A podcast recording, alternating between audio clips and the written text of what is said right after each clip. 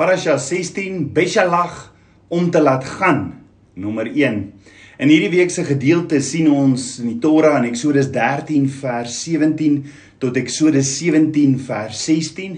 Dan die ander gedeelte in die Ou Testament is in die Haftara, Rigters 4 vers 4 tot Rigters 5 vers 31.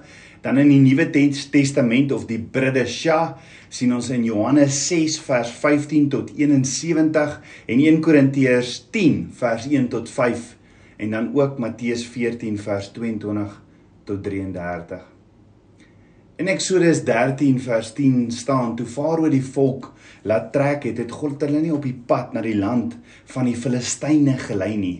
Alhoewel dit nader was want God het gesê die volk kan dalk berou kry as hulle oorlog sien en teruggaan na Egipte. Die volk die woordjie die volk laat trek in Hebreëus is beshalag. Die Hebreëse woord woord beteken eintlik gaan weg, gee pad. En dis letterlik om weg te jaag. En dis hoe Farao oor die kinders van Israel gevoel het, nê. Nee. Dit was 'n forsvolle bevel van Farao aan die Israeliete om pad te gee. En die gedeelte of parasha wat vertel vir ons vertel hierdie gedeelte of parasha van die week vertel vir ons die avonture van die Israeliete toe hulle Egipte verlaat het tot by die Rooi See dat hulle deur die Rooi See gegaan het en Abba Vader se wonderbaarlike voorsiening wat hulle in die woestyn ontvang het gekry het. So ek weet nie waar deur staan jy dalk voor 'n Rooi See in die week. Kom ons nader Abba Vader. Kom ons leer wat uit sy woord hoe hy vir, vir ons die rooi see wil oopmaak. So in die gedeeltes vir die week sien ons, in die Torah gedeeltes vir die week sien ons en Eksodus 13 vers 17 die wolkkolom en die vuurkolom. Dan sien ons in Eksodus 14 vers 1 die rooi see tot eh, toe hulle gekom het tot by die rooi see. En dan in Eksodus 14 vers 26 die agtervolgers verdrink. Eksodus 15 vers 1 Moses se liedjie en dan vers 20 Miriam se liedjie. En dan Eksodus 15 vers 22 Mara toe hulle gekom het na hulle deur die Rooi See is, kom hulle by die eerste plek 3 dae later kom hulle by Mara, bitter water wat soet word. En dan Eksodus 16 vers 1 brood van die hemel, die Sabbat of die Sabbat. En dan Eksodus 17 vers 1 water van die rots. En dan Eksodus 17 vers 8 Amalek se aanval. So hierdie week se gedeelte is propvol inligting, baie dinge. Selfs as die vyand jou aanval van agter af of die plekkies waar jy seer kyk, gaan lees Eksodus 17. Maar ons gaan tyd spandeer ehm um, in die week ook saam. Die gedeelte in die Haftara vir die week wat saam bestudeer word, sien ons behels in Rigters 4 ag in Rigters 4 vers 4 Debora en Barak verlos Israel. Amazing storie en dan in Rigters 5 vers 1 die lofsang van Debora. So hierdie week gaan ons Appa Vader lofprys vir die oorwinning en die see wat hy vir ons oopmaak en ons loof en prys hom daarvoor daarvoor. Die gedeelte in die Bridesha vir die week wat ook saam bestudeer word sien ons behels in Johannes 6 vers 16. Yeshua loop op die see. Matteus 14 vers 22 en 33 is dieselfde dieselfde gedeelte. Dis net Johannes en Matteus se weergawe. En dan Johannes 6 vers 22 Yeshua die brood van die lewe vers 60 baie van Yeshua se disippels verlaat hom. Korintiërs 10 vers 1 1 Korintiërs 10 vers 1 laat ons God nie versoek soos Israel gedoen het nie. So in Eksodus 13 vers 17 tot 18 staan daar, ek wil dit vir ons lees. Toe Farao die volk laat trek het, het God hulle nie op die pad van die land van die Filistyne gelei nie, alhoewel dit nader was, want God het gesê, die volk kan dalk berou kry as hulle oorlog sien en teruggaan na Egipte. Daarom het Jahweh die volk laat wegdraai in die rigting na die woestyn, na die Skelfsee en die kinders van Israel het goed gewapend uit Egipte land opgetrek. Hulle het goed gewapend uit Egipte land opgetrek. Kan dit herhaal? Herhaal? Kan ek dit net gou weer herhaal? Hulle het goed gewapend uit Egipte land opgetrek. Met watse wapens? Met ander woorde, Die Shema kinders van Abba Vader is op die punt om 'n opwindende nuwe era te betree. 'n Oorgang van slawerny na 'n volk wat Abba Vader Shema, Heer, listen en obey en hom volg. So daar's 'n groot opgewondenheid wat heers want die land die die land waarin hulle gebly bly het vir so lank van van 'n bitter era era van slawerny het het het ewe skielik tot 'n tot 'n ek kan maar sê 'n geweldige einde gekom. Ongeveer 2 miljoen afstammeling van Abraham, Isak en Jakob en ander menigte nasies het saam met Egipte uitgetrek. Die een ding wat hulle almal gemeen het, is dat hulle almal meer as genoeg van Egipte en van slawerny gehad het. Nou kan jy dink 2 miljoen mense besluit vandag ons bly in Pretoria en 2 miljoen mense besluit hulle trek uit Pretoria uit. Dit gaan nogal dit gaan nogal met 'n uh uh uh dit gaan besig wees. Almal gaan daarvan hoor. En dit gaan ewe skielik dan as die 2 miljoen uit Pretoria uit is, gaan dit redelik stil wees. En dit gaan nogal regtig 'n remoer veroorsaak. So kan jy dink die vry, die die die vryheid wat hulle moes gevoel het, wat die kinders van Israel moes gevoel het om te weet hulle is nou totaal en al los van Farao. Of is hulle? So met hulle uittog en wegtrek uit Egipte uit, was hulle eerste stop 'n plek genaamd Sukot. Sukot is die plek waar hulle in Sukas gebly het onder die sterre en gematsa, ongesuurde brood geëet het, want daar was nie tyd vir die brood om te gis in Egipte nie. Hulle moes vinnig reggemaak het. Hulle het die aand na die sterre, toe hulle in in Sukot gekom het, het hulle die aand na die sterre lê en kyk en geweet, Abba Vader het hulle verlos uit Egipte en dat daar 'n droom is wat hy vir hulle het. 'n Belofte, 'n beloofde land. Hulle bevind hulle in Sukot waar niemand hulle met swepe aanjaag om bakstene te bou sonder strooi nie.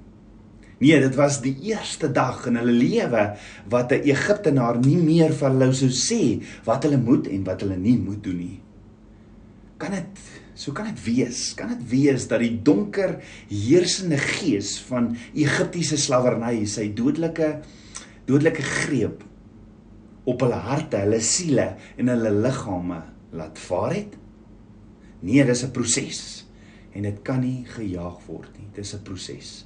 Dit is baie baie daar is daar is baie baie uitdagings wat hulle sal moet hanteer en hindernisse wat hulle sal moet oorkom. Hulle gaan eerstens moet leer om op 'n Vader te vertrou as hulle herder en om hom te volg waar ook al hy hulle lei.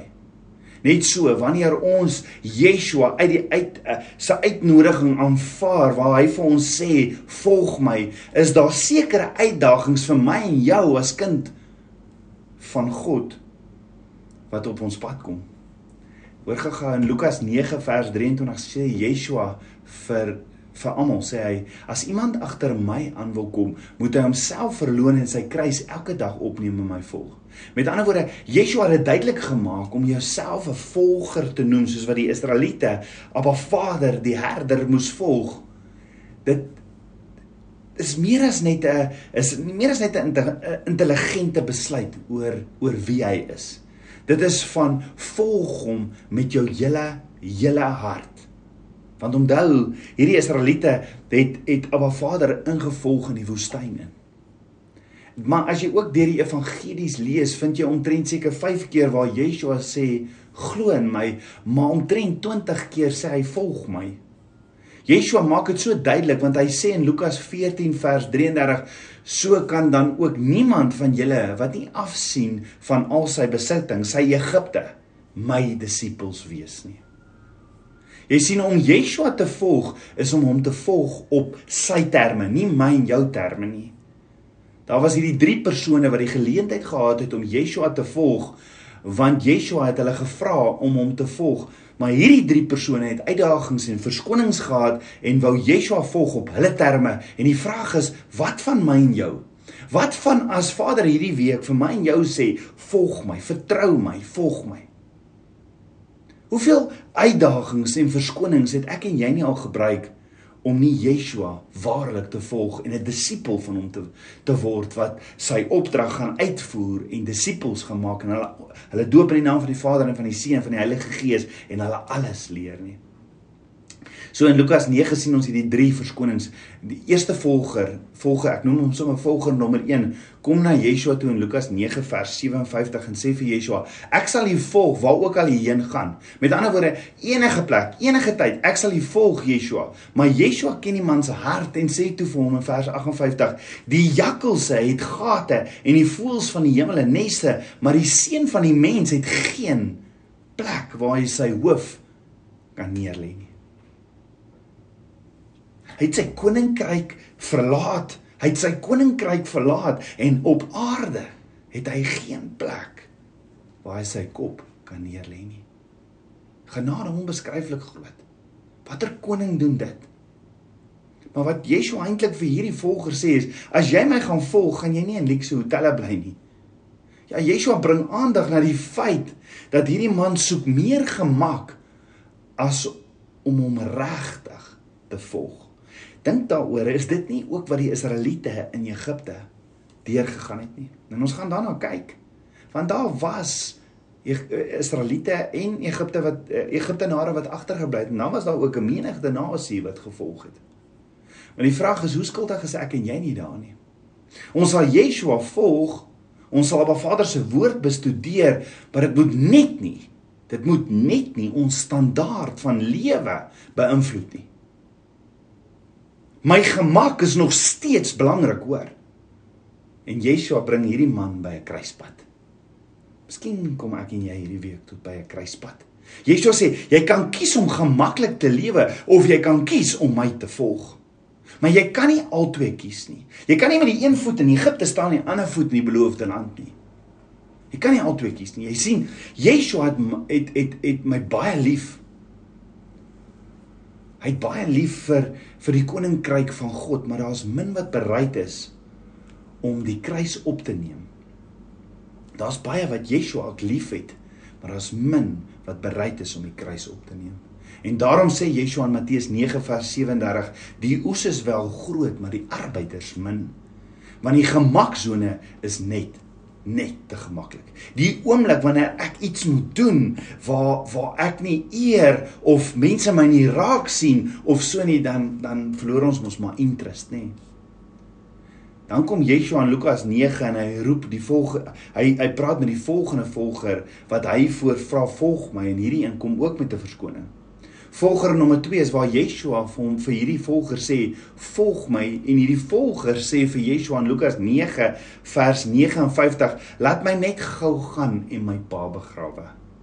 Yeshua antwoord hom en sê, "Laat die dood hulle self begrawe en gaan wen die koninkryk van God." Nou, as ons dit lees, klink hierdie ou se verskoning eintlik heeltemal legit, nê, nee, in orde of regverdig, nê. Nee. Maar in werklikheid, wat het vir hom en ook vir my wat wat is vir my en wat is vir jou belangriker? Want vir hierdie ou was belangriker om Yeshua net te volg. Om onthou die ander disippels het, het toe Yeshua sê volg my. Petrus.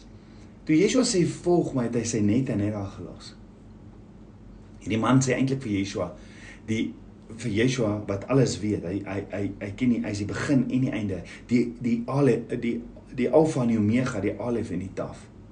En Yeshua sê vir hom of hy sê vir Yeshua, ek wil u volg, maar nie nou dadelik nie. Dan was nie 'n goeie tyd nie en die vraag is hoe baie doen ek en jy dit nie? Dis van Yeshua, ek sal u volg en doen presies wat u sê, maar ek moet net eers eers gou hierdie kwalifikasie kry of hierdie hoeveelheid geld in die bank kry. As ek daai hoeveelheid geld in die bank kry, Vader, dan sal ek u woord begin verkondig non-stop. Dan sal ek vir u woord verkondig, saad saai. Ek sal na ouer huise toe gaan. Vader, ek sal na skole toe gaan. Ek sal u woord verkondig. Uh, dis wat ek sal doen. Maar ek wil net ek wil net ek wil net hierdie ek wil net sorg dat daar net goeie backing is. Wat as Ruach HaKodesh, die Heilige Gees, so hard probeer om my en jou wakker te maak om vir ons te sê, staan op, trek jou skoene aan en volg hom. Maar wat ons doen is ons druk die snoesknoppie. En ons sê net nie nou nie. Gee my net nog nog 'n bietjie tyd. Gee my net nog so 'n bietjie tyd asseblief. En Yeshua sê Matteus 6 vers 33: Soek eers die koninkryk van God en sy geregtigheid en al hierdie dinge sal vir jou bygevoeg word. Dan die derde persoon, die derde volger.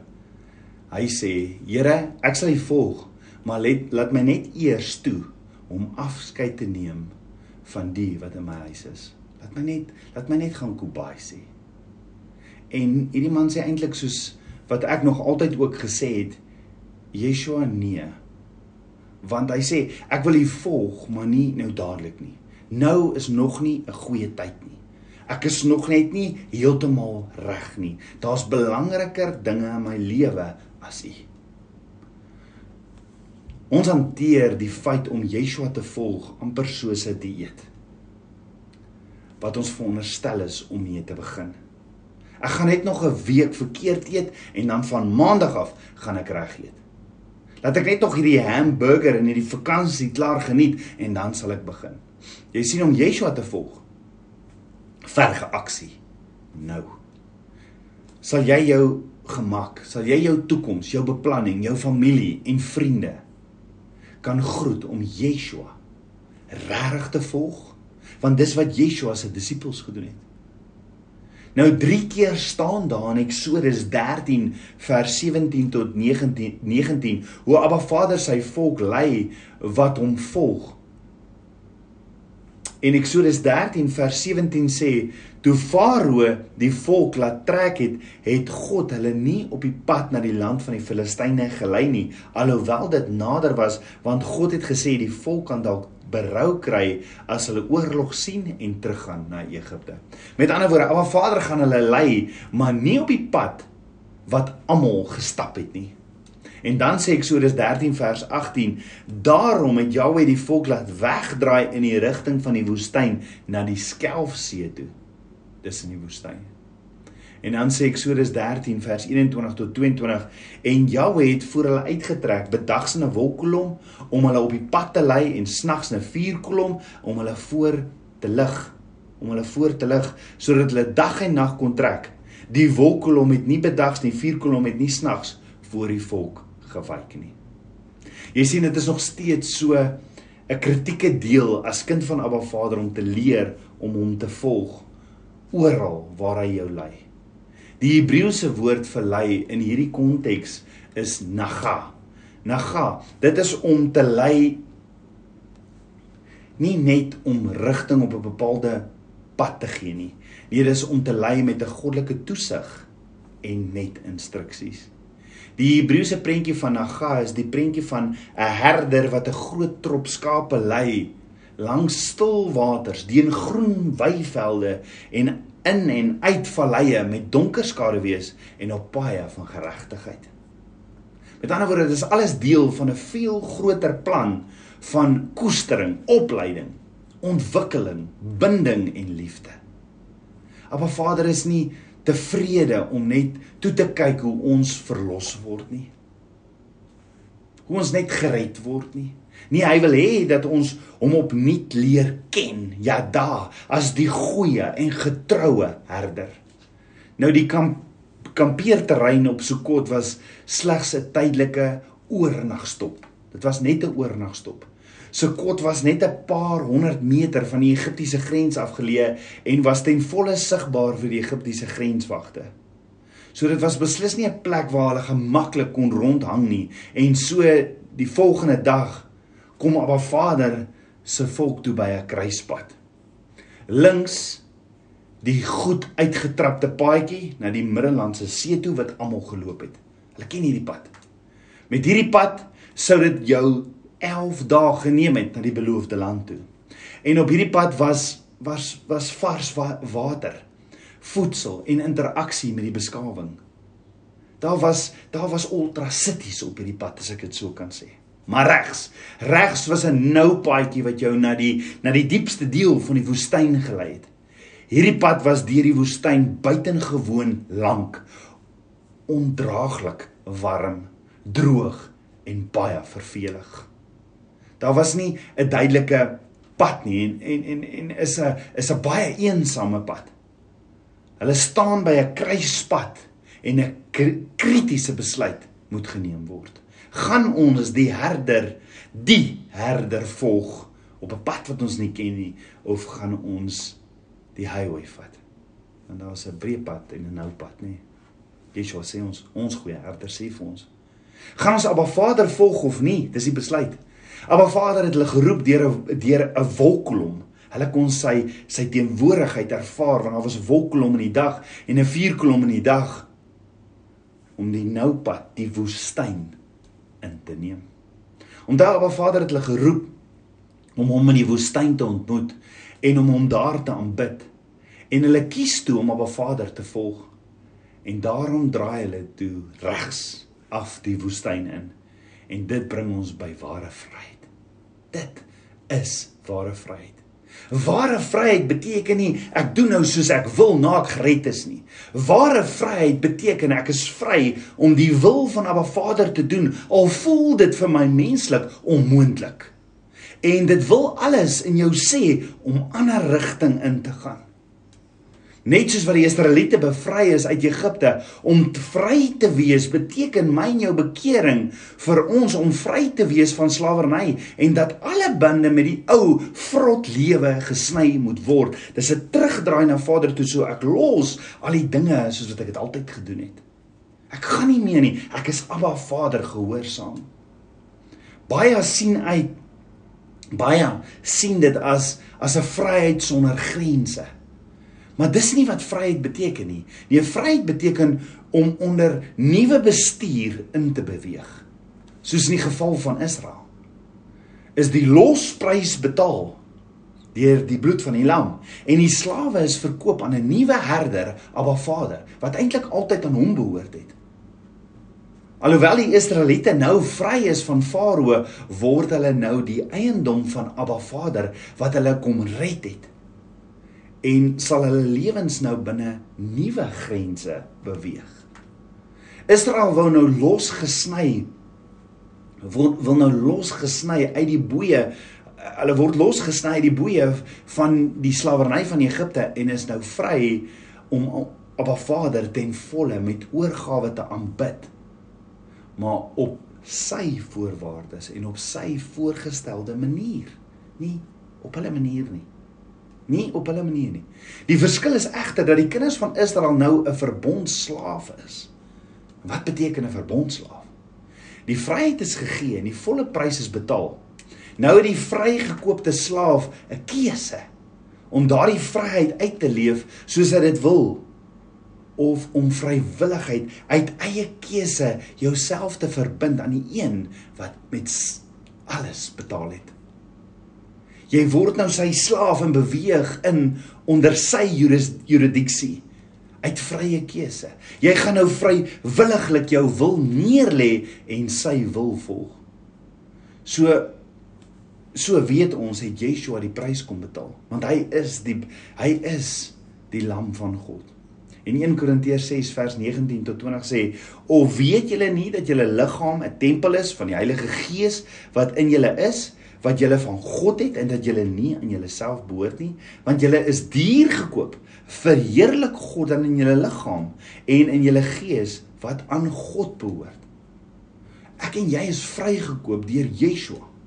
Hoekom nie hom volg met oorgawe en hom in waarheid en in gees aanbid op sy voorwaardes en op sy voorgestelde manier nie?